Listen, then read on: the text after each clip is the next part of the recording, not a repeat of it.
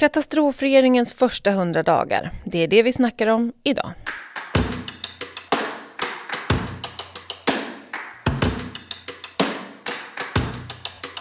Hundra dagar av ondhetssignalering, schabbel och bråk. Den SD-stödda moderatregeringen har gjort bort sig i hundra av hundra dagar på nästan alla områden. Det är väl så det ska låta från oppositionen, tänker du? Absolut. Men den låga nivån på den här regeringen verkar vara bottenlös. Vi fick ett mejl till podden om att göra ett avsnitt om regeringens första hundra dagar. Så är det det vi snackar om idag. I studion finns jag, Anna Herdy. Ett slottsavtal fyllt av ondhetssignalering men inga som helst lösningar på den ekonomiska kris som svenska hushåll nu lider under. En havererad NATO-process, nedmontering av klimatpolitiken, ett försenat elprisstöd som ingen verkar vara nöjd med utformningen av och en statssekreterare som tjuvfiskar utrotningshotade arter och som dessutom ljuger för polisen. Listan kan omöjligen göras längre, tänker du? Jojomensan. Politik för massuppsägningar i kommuner och landsting. De lägger ner och förhalar utredningen om karensavdragets framtid. De utnämner en skolminister från friskolelobbyn, lägger ner utbyggnad av snabbtåg i Sverige men ger pengar till snabbtåg i Turkiet genom bistånd. Det enda de vill kommunicera är snuttefilten kärnkraften, när människor och opposition rättmätigt ställer frågor om hur de ska lösa den skriande elpriskrisen. För vi kommer väl inte få elprisstöd för resten av livet? Ulf Kristersson har ett regeringssamarbete med ett parti vars rötter odiskutabelt är rasistiska och nazistiska. Hans regering måste vara den första regering någonsin som har som sitt projekt att göra livet sämre för en stor del av befolkningen. Det måste vara i det närmaste unikt. Förutom att vara unikt är det framförallt inte ett projekt de kan vinna med. Kristersson och Åkessons gäng har lurat sig till makten genom att lova politik om el och drivmedelspriser de vet att de inte kan genomföra. De är skojare och lurendrejare. Från moderata opinionsbildare får man höra äsch, det kommer gå bra. Reinfeldts första hundra dagar var inte heller så kul, men han vann ändå på slutet. Det har de verkligen rätt i. Fredrik Reinfeldts första regering låg riktigt risigt till i opinionen efter 100 dagar. Enligt Wikipedia-sidan Opinionsundersökningar inför riksdagsvalet 2010 så kan man läsa sig till i Novus mätningar att oppositionen hade ett övertag på 10 procent i januari 2007. Och så fortsatte det. I januari 2008 så var övertaget hela 18,5 procent till oppositionens fördel. Det Reinfeldt hade, som Kristersson saknar, var ett i sina egna ögon framåtsyftande projekt att montera ner trygghetssystemen och hjälpa de redan förmögna till ännu större förmögenheter. De hade ett genomtänkt reformprogram som de sjösatte direkt och de började med de systemförändrande och impopulära grejerna som att slakta a-kassan, skära ner i arbetsmarknadspolitiken, sänka ersättningen i sjukförsäkringen bland mycket annat. För att senare återkomma och använda pengarna regeringen dragit in från välfärdsslakten för att under mandatperioden kunna komma med fler jobbskatteavdrag och annat som vände vissa av väljarnas förtroende. Under sommaren 2010, strax före valet, så går regeringen Reinfeldt om oppositionen i Novus mätningar igen. I augusti har man ett övertag på 4 procent. I valet 2010 vinner man med nästan 6 procents övertag. Det är en sedelärande historia för arbetarrörelsen. Allt såg bra ut, sen vände det. Läget är, är liknande nu. Oppositionen leder stort över regeringen. Men man ska inte ta ut segern i förskott. Den SD-stödda moderatregeringen under Ulf Kristersson har två projekt. Det ena projektet går ut på att göra det värre för en specifik grupp i samhället. Alla som har kommit hit som flyktingar och deras familjer. Det projektet är i sig en förutsättning för högerns främsta projekt, att det även fortsättningsvis ska kunna gå att mjölka vinster ur välfärden.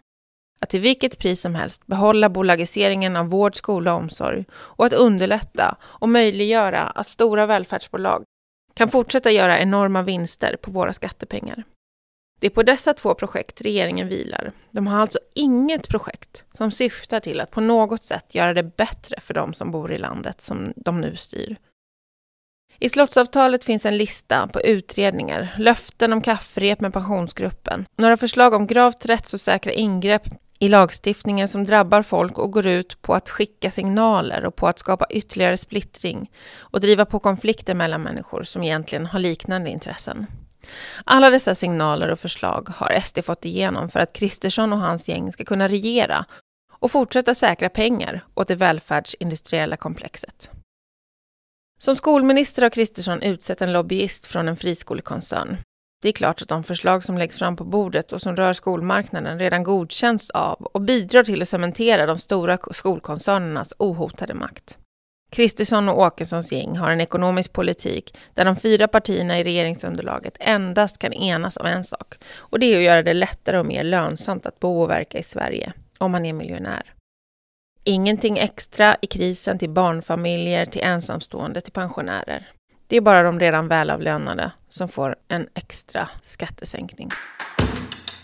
Förutom att en sjukt dålig politik har presenterats i omgångar så har regeringen ägnat sina första hundra dagar vid makten åt att göra Sverige till åtlöje utomlands.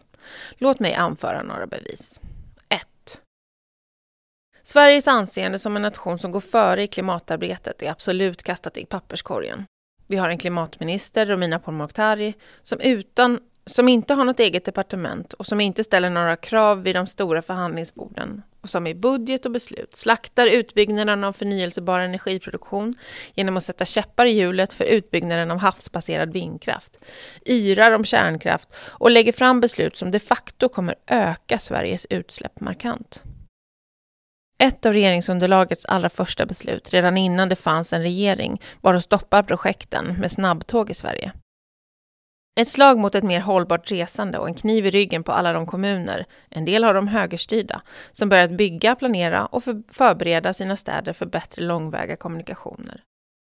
Nu omfördelar dessutom EU tiotals miljarder från Sveriges infrastrukturprojekt till andra projekt runt om i Europa, eftersom pengarna skulle gå till snabbtåg. Vad gjorde man mer för klimatet sina första hundra dagar vid makten? Jo, från en dag till en annan så avskaffade man bonus-malus-systemet. Ett, om vi ska vara ärliga, ett dåligt utformat bonussystem för att få människor att ställa om till elbil. Ett beslut som skapade kaos hos bilhandlarna och stoppade upp den uppåtgående trend som fanns i elbilsförsäljningen. Vänsterpartiets förslag om en folkelbil hade varit betydligt bättre politik. Men som vi vet så har den här regeringen inga idéer om hur den kan göra framtiden bättre för folk.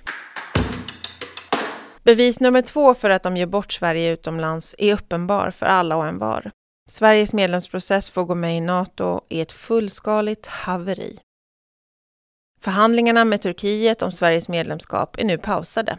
Och innan vi hamnade här så fjäskade och krälade Kristersson och utrikesminister Billström för Turkiets despotiske ledare Recep Tayyip Erdogan.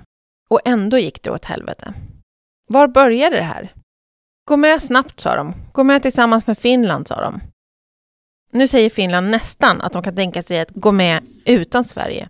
Och Erdogan säger att Sverige aldrig kommer att få gå med, men att Finland är välkomna. Istället för en stabil alliansfrihet som gett oss säkerhet under så lång tid har vi nu fått ett säkerhetspolitiskt haveri där allt är en enda röra.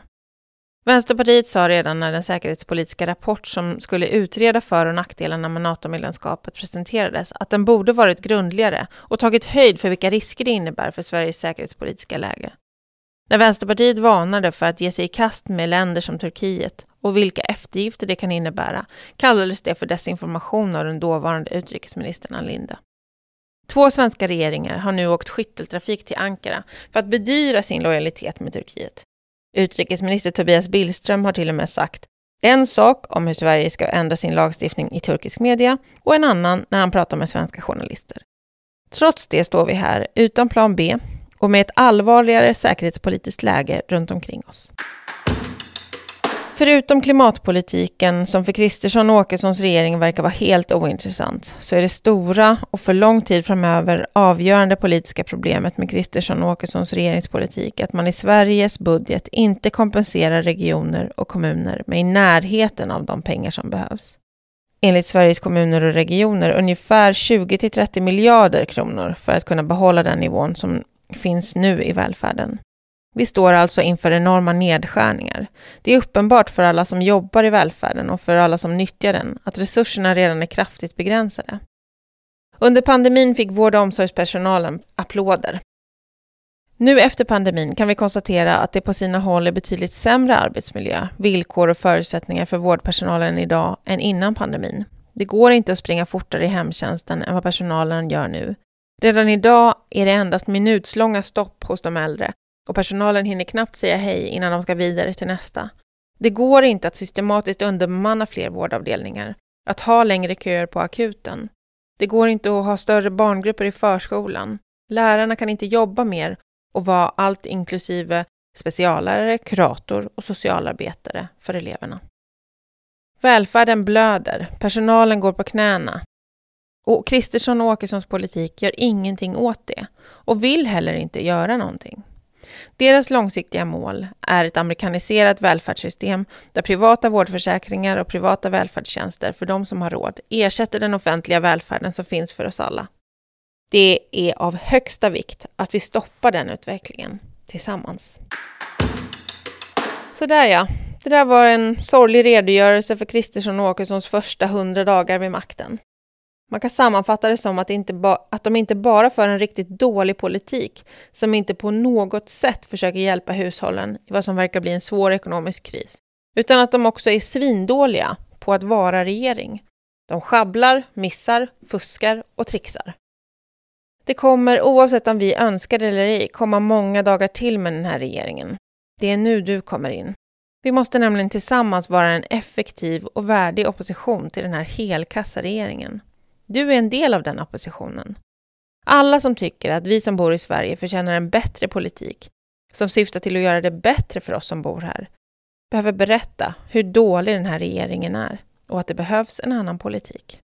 Vänsterpartiet har en politik som hjälper och stödjer hushållen rättvist ur krisen, en politik som älskar välfärden och vill den väl och en politik som tar ansvar för och ser allvaret i klimatförändringarna och gör klimatomställningen till en möjlighet till jobb och förbättrade livsvillkor.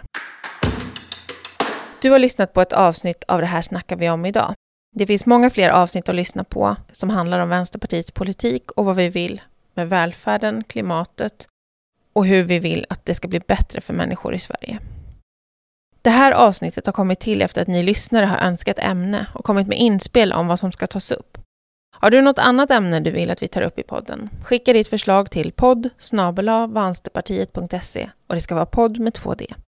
Stort tack för att du har lyssnat och ha nu en riktigt trevlig helg.